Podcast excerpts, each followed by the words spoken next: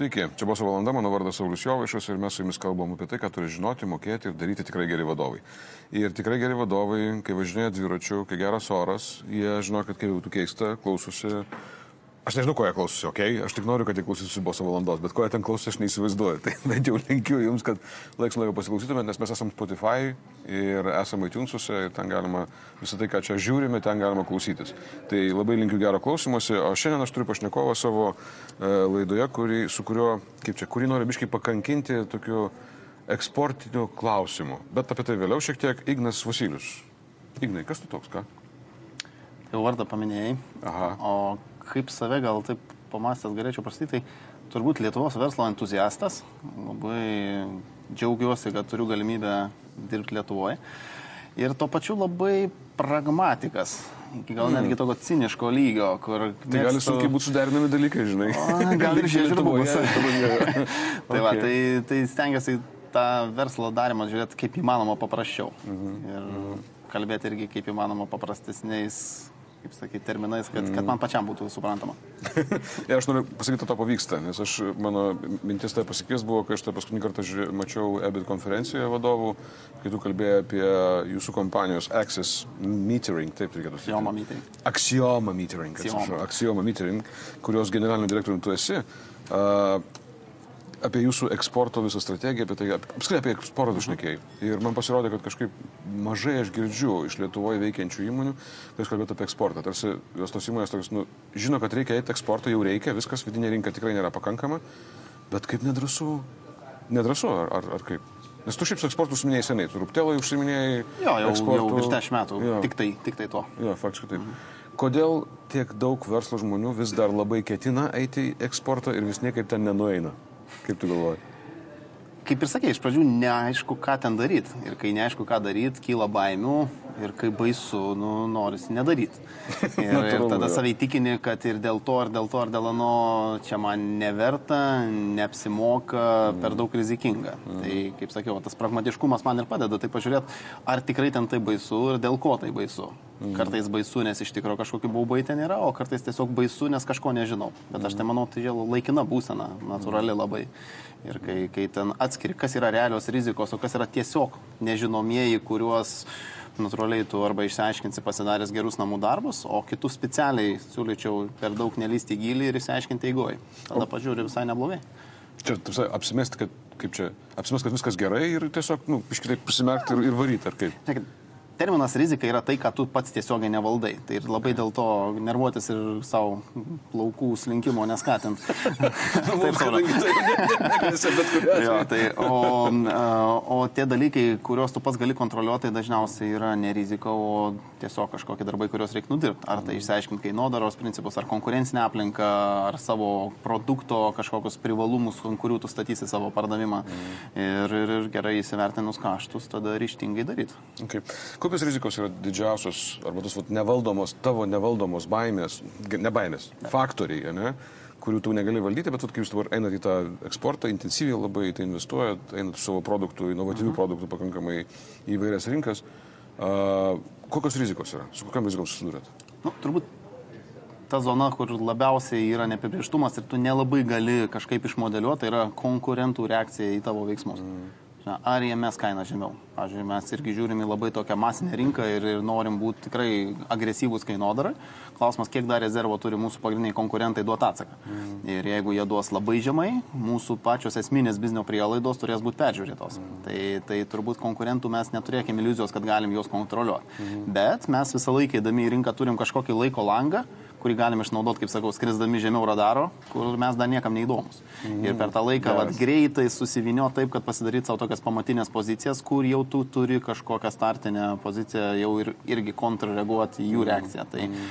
tai reikia įsivertinti kelis scenarius, kaip jie gali sureaguoti, turėti kažkokį planą A, planą B, bet supras, kad kažkokia reakcija bus. Bet tu čia gerai užkabinai tokį momentą, kad tas vat, laiko langas, kol mes jiems neįdomus.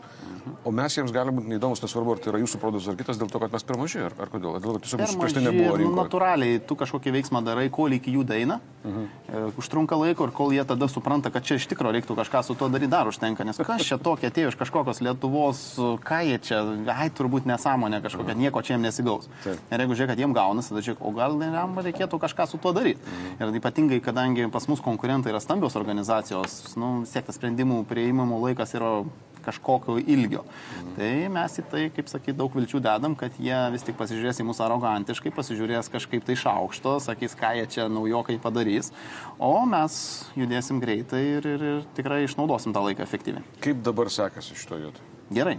Ne? Mes pras, iš viso trumpai, ką mes darom, tai, tai yra ultragarsiniai vandens ir šilumos skaitikliai.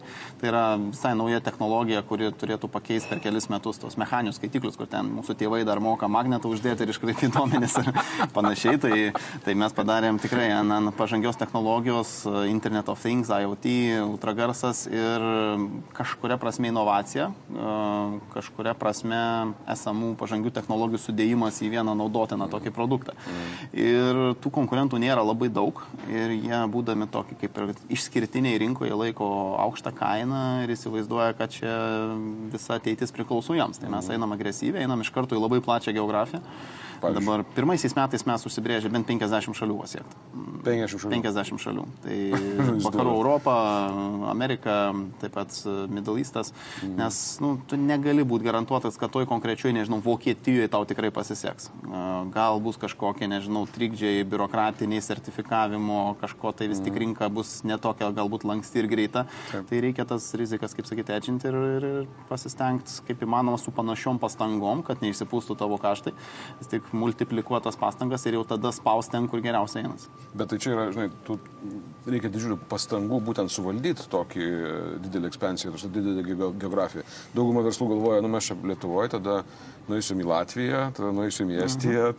tada nueisim į Lenkiją. Bet čia ne eksportas, čia, aš manau, čia namų rinkos plėtimas. Okay. Turbūt visa Lietuvos visos įmonės pradėjo, tarkim, Vilniuje okay. ir jos, sako, paskui plečiasi į Kauną. Tai aš negirdėjau sakant, eksportuoju Kauną. Nu, tai lygiai taip pat aš neeksportuoju Latviją, jeigu darau visiškai taip pat, pats parduodu, montuoju, prižiūriu, nu, nėra fizinės sienos. Mhm. Tai kaip žemaičiai šiek tiek su kitu akcentu šneka, taip ir Latvijai. Tai aš kalbu eksportą, kur tu taikai skirtingus veiklos principus. Mūsų konkrečiu atveju mes taikom ne tiesioginį pardavimą, o darbą per pardavimų kanalus. Mhm. Ir tada jau atsiranda specifika. Tu turi tada irgi atsirinkti ne tik tai klientus, bet ir tinkamus partnerius, kurie neduplikuotų bereikalo tos dalies, kurią tu darai. Tarkim, techninis vystimas produkto kažkoks tobulinimai, garantiniai aptarnavimai, mhm. bet jie atneštų savo vertę. Tai aktyvus pardavimas, marketingas, rinkos analizė. Mhm. Ir tada tu žiūri tai kaip tokia nu, abipusiai naudinga partnerystė ir su jais pakeliui, kaip sako. Kaip jūs juos atsirenkat? Nes aš manau, nesvarbu, čia šiuo atveju mes kalbam ne apie, mes nebijom konkurencijos, tarsi konkurentas su nieko nesukursi šitą Lietuvoje veikiantį, bet kaip tu atsirenki partnerius, ne tu, bet jūsų kom, kom, kompanija. Tai labai svarbus momentas. Pirmiausia, kad sakyt, o ką aš galiu pats padaryti, protingais kaštais, o kur aš nepadarysiu pats ir tada ieškai to, kas padarytų. Kitaip tariant, tu žiūri tai, kai vieną įmonių grupę, aš vadinu, aš net tokią ten schemą rodau savo komandai. Mm. Tai yra pagrindinės klasikinės įmonės veiklos - pardavimai, RD, tiekimas, gamyba, techninis aptarnavimas ir žiūri, kurią funkciją tu darai. Tarkim, mes esame gamybinė įmonė, mes gamybą tikrai patys padarysim, mums nereikia, kad tai būtų mūsų partneris irgi gamybinė įmonė. Taip. Bet mes patys nenueisim, nepasibelsim pas klientą, nedarysim tik, tikslinio marketingo, tada jau mes šitą dalį tikimės, kad padarys mūsų partneriai. Tai su jais taip gražiai išsidėliojęs, kai čia mano, čia tavo, šitą darom kartu. Tai padeda, kaip sakyti, nedubliuoti bereikalingai funkcijų, bet tuo pačiu ir, ir aiškiai lūkesčių susivaldyti daryti. Nes daug įmonių girdėjau jos paskui, o tai ten tie mūsų partneriai nori nedekvačios maržos. Taip. Nes jie įsivaizduoja, kad kuria didesnė vertė, negu tu iš tikrųjų nori jam patikėti. Tai, mhm. tai padeda taip vėl pragmatiškai susidėlioti langelius, aišku, visą laiką ten paskui vyksta kažkokiu ten dar diskusijų ir panašiai, bet, bet kai tu iškomunikuoji aiškiai tikslą, ko mhm. tu iš jo tikėsi, jis iškomunikuoja tau, ko iš tavęs tikisi, mhm. tai mažiau šansų, kad ten kažkokia trintis atsiras. Tai, bet tu taip kalbi maždaug, kad iš esmės tavo tas partneris, kuris uždirbs iš tavo produkto realiai, yra tas tavo partneris, su kuriuo tu privalai būti atviras, taip išeina. Tu, tu negali ten bandyti jo kažkaip nu, biški, duot tokią maržą tokią, bet iš nors pės galėtum va tokią, bet jeigu bus geras, tai dar duosiu va tokią, nu, kažkaip taip toks. Aš visą laiką tikiu, kad ir tie partneriai yra protingi ir jie nėra kažkokia auka, o mes čia grobuonis ar atvirkščiai, kad mes turim lankstytis prieš kažkokį distributorių. Mhm. Jeigu abipusiai naudinga ta partnerystė, kaip santoka kažkokia abipusė pagarba paremta, tai viskas mhm. ok. Jeigu kažkaip tai situacija pasikeičia ir vienai pusėje nebenaudinga, galima persidaryti. Mhm. Jeigu iš vis nebenaudinga ir neina persidaryti, nu, tai yra procedūra skirybų. Mhm. Bet principė nereikia jaustis, kad kažkas kažką tau skolingas. Mhm. Tu atneši savo vertę, jie atneša savo. Jeigu tos vertės dera, dirbam kartu iki kol jos dera. Okay. Vėliau sąžiningai atsidalinam, jeigu ką, ir pasirenkam kitus partnerius. Jie gali pasirinkti kitą produktą, mes galim pasirinkti kitus distributorius. Mhm. Bet kol dirbam kartu, tai neturi būti kažkokio užklausinių žaidimų. Aš kiekvieną kartą įsitikinu, kad e, sveiko, sėkmingo verslo pagrindas yra pragmatiškumas ir sveikas protas. Žinai. Ir aš, klausau tavęs, tai aš girdžiu ten pragmatiškumą ir sveiką protą, kad tu pats ir paminėjai pačioj pradžioje. Tai yra tas pragmatiškai žvelgi dalykus ir naudojasi sveiku protu kaip matu, kaip masta, mat, mas, matavimo vienetu tiesiog. Tai protinga ar neprotinga, žinai. Logiška, nelogiška. Logiška, nelogiška. Nu, fainai. Daugam emociškai nelogiškai atrodo, ypač tiems, kurie kūrė inovatyvų produktą, kažkokį tai tokį unikalų produktą, kad jeigu jie nueis į bet kokią didesnę e, rinką su didesniais resursais, tiesiog tą produktą nukopijos ir pavoks tikėtina, kad taip ir bus, užtat nereikia nustoti inovuoti. tai mes šituo atveju iš vis dar taip, kaip sakyti, naglesni. Aha. E, mes einam pas savo konkurentus, kuriuos žinom, kad kūrėsi atitikmenį. Mes jiem duodam tą savo produktą, ko? suprasdami, kad jie dar kursis apie du metus. Ir tai yra tas mūsų langas, kuriuo metu mes gaunam iš jų naudos, nes jie yra dideli, turi platų pardavimų tinklą, turi esamus klientus, jie daug greičiau gali pasiūlyti jiems ir mes taip įeisim į rinką su savo produktu. Kai jie savo susikurs, tikėtina šiek tiek greičiau su mūsų produkto žiniomis, mhm. tada mūsų medaus mėno baigsis. Mhm. Bet vėl, kai tu supranti, kad tai yra toksai terminuotas kontraktas, tu pasistengi per tą terminą gauti maksimalią naudą. Taip. Jie lygiai taip pat. Mm. Tai gali sėdėti tam bunkerį savo užsidaręs, nu, bet tada nešnekėkime apie globalų eksportą. Nu, tiesiog šiaip apie eksportą nešnekėkime. O žiūrėk, kaip pakeičia organizacijos vidų tai, kad tu esi orientuotas į didelį eksportą, į globalų eksportą? Ar turi kažkokius, kas turi būti viduje, kaip viskas viduje turi funkcionuoti, tam, kad tu galėtum suvaldyti didelę geografinę plėtrą? Eksportinį. Apskritai, gal ne tik tai, kas liečia eksportą, apskritai tą skeilinimąsi, tą greitą augimą turi pirmiausia būti ir progresyvų žmonės, jie turi to norėti. Mhm. Ir, ir, ir ne visi būtinai nori, kad ten viskas aplinkui jos keistųsi 180 laipsnių kampu. Tai, tai mes irgi labai atidžiai renkamės e, pagal kelis kriterijus darbuotojus. Pirmas, tai kad žmogaus asmeninė ambicija būtų panaši kaip įmonės ambicija. Mm, mm, tada, kad jis būtų greitas, kitaip tariant, nu, negreitas ten maratoną greitai nubėgtų, bet greitas savo mąstymų, reakcija, mhm. savo kažkokiu galų gale veiksmų, adaptavimu prie situacijos. Ir nu, mums nepasnei vietų ir tas toksai patriotiškumo, toksai, kaip sakyt, aspektas, nes vis tiek mes kūrėm viską čia. Mes mhm. patys sukūrėm produktą nuo konceptų iki gyvendinimo, pasistatėm gamyklą Lietuvoje, suinvestavom 15 milijonų ir kai mums pasiseks, mes tikrai didžiuosimės, kad tai padarėm su lietuvišku produktu. Ne perpardavinį, ne outsourcindami kažkur tai, o viskas nuo iki. Ir, ir tai mums irgi kažkiek išskiria iš kitų galbūt gamybinių įmonių, ypatingai Leze Kauno, kur mes ten įsikūrė, tai yra ir Continental, ir Helos. Bet tai yra kitų žmonių organizacijos. Tie, kurie nori galbūt kažkokiu higieniškai tvarkingos aplinkos, almanacho taisyklių, kur ten viskas aišku, paprasta, kažkokio brendo galbūt pasaulinio, bet jie gauna užduotį, jie įvykdo, atiduoda ir net nelabai žino, kas su tuo vyksta. Mes turim tiesioginį ryšį su klientu, mes e, važiuojam, renkam informaciją, darom kažkokias išvadas, galų gale keičiam tą produktą, jeigu mm. reikia. Tai, mm. tai tas toksai, kaip sakyt, mane asmeniškai žavi ir matau, kad tie žmonės, kurie prie mūsų prisijungia irgi, tai tikrai ne paskutinėje vietoje. Nu, tai įdomu, tu kalbėjai kalbė apie patriotiškumą kaip tam tikrą resursą. Resursą būti visam pasaulyje.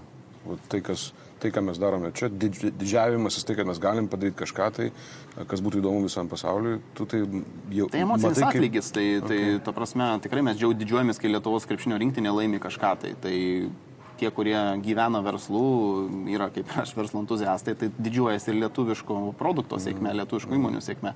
Man tikrai daug mieliau, kad kažkoks kolega, mūsų kaimynas, Lietuvos įmonė kažkokį tikrai sėkmingą rezultatą rodo, negu galbūt kažkoks ten užsienio bankas, kuris čia į skyrių buvo atidaręs. Tai atėjo nelabai džiaugiausi, išėjo irgi nelabai džiaugiausi. Tai toksai pakankamai patiškumas. Matiškas.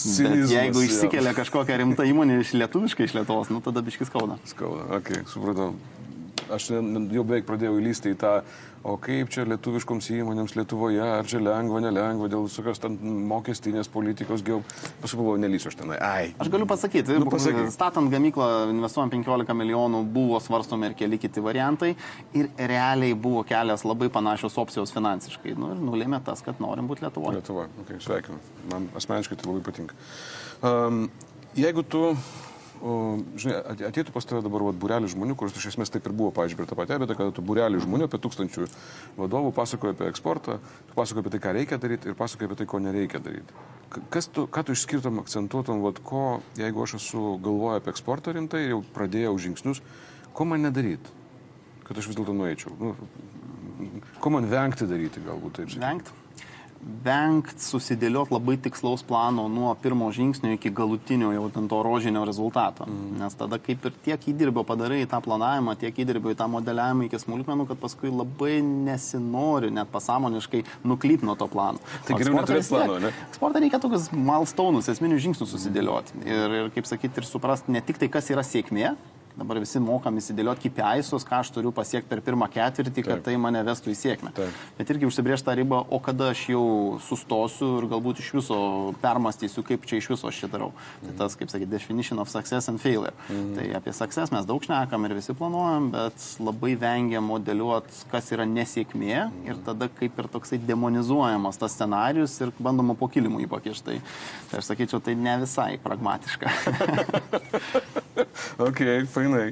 Um, kaip įsivaizduoju, po penkių metų, praėjo penki metai ir jūsų vis dėlto rožinė svajonė, kurią jūs ten turit, jinai įsigyvenina. Gali pasidalinti šiek tiek, biškiai atskleisti, reiškia, uždangą, maždaug, vat, kas bus po penkių metų, jeigu pas jūs viskas paeis. Po, pasakysiu, kas bus po trijų metų, nes mes turim, gerai. kadangi nauja technologija, penkmetis būtų per ilgas ilgas, mums tas okei. periodas, tai mes trijų metų planą turim. Tai mes šiais metais, lyginant su pernai, turim gamybinėm apimtim paaug 10 kartų. O, Atsiprašau? 10 kartų Per kiek laiko? per lyginant su pernai. Per metus. Jo, Dešimt kartų. 10 kartų. Ne nuo nulio. Ne, ne, nuo nulio. Okay. Ir Aš čia šiaip, nusipranti, tai lengvai nustebęs. aš patikslinau, taip. taip, ačiū. E, Tada mes pasiektume apie 400 tūkstančių tų mūsų išmanių produktų m, gamybinį pajėgumą, tada kitais metais augam iki 1,2 milijono, trečiais metais 21 iki 2,2 milijonų. Okay. Tai kai tą padarom, 21 metais mes turim nusipirkę sklypą šalia to, kurim dabar stovi gamykla, antrai gamyklai. Tai mhm. toks ir mūsų planas, kad jau trečiais metais stovėtų antras mūsų mhm. gamybinis pastatas, kur galėtume dvigubinti savo pajėgumą. Okay. Kodėl to taip lengva kalbėti apie, apie gerus dalykus, apie planus gerus? Nes daugelis Arba šiais tikiu, arba šiais netikiu. Jeigu tikiu, man aš kaip šneku tuo, ko tikiu, tikiu tuo, ko šneku. Tai Nu, ne, palauk, žinai, vis tiek ten yra žmonių, kurie kaip ir tiki tuo, žinai, ten tuo gražiu, gražia ateitimi, bet taip biški, nu, atsargiai taip, žinai, šneka, tu taip lengvai kažkaip kas šneki. nutiks blogiausia, jeigu mes sufeilinsim? Nu, pakviesi papasakoti apie feilą, irgi Lietuvoje labai trūksta. Nu, tai antrą kartą susitiksim, ot bėda. Aš tau labai dėkingas, man atrodo. Aš, aš nenoriu tavęs kviesti antrą kartą dėl feilo. Pašnekėsim apie antrą Pa, fabriką. pa, pakalbėsime apie antrą fabriką. Antrą fabriką man žymiai smagiau kalbėti. Čia, Okay. nu, tikrai. Ignas Vasilius, Axioma Metering generalinis direktorius ir ačiū tau už nuotaiką ir už tai, kaip, kaip tu darai tai, ką darai ir tai, kaip tu apie tai šneki. Man nu, kažkaip pat gaiva tokia biškutuka. Čia buvo boso valanda, mano vardas Saulis Jovaišas, mes pasimatysime su jumis kitą kartą. E, trečiadieniais nuo 13 paprastai atsiranda laida Delfija ir paskui ten keliauja per visus įmanomus media kanalus. Netgi girdėjau plėtką, kad galima druskininkuose per televizorių pamatyti, kas iš jūsų yra kosmosas, nežinau, ar Delfis tą žino. Bet kuriu atveju, eksport, nu čia ne eksport, čia plėtra, rinkos plėtra į kitą media kanalą. Tai dar kartą ačiū Jums visiems, susitiksime ir, nu, vat, pragmatiško, sveiko proto visiems linkiu. Iki.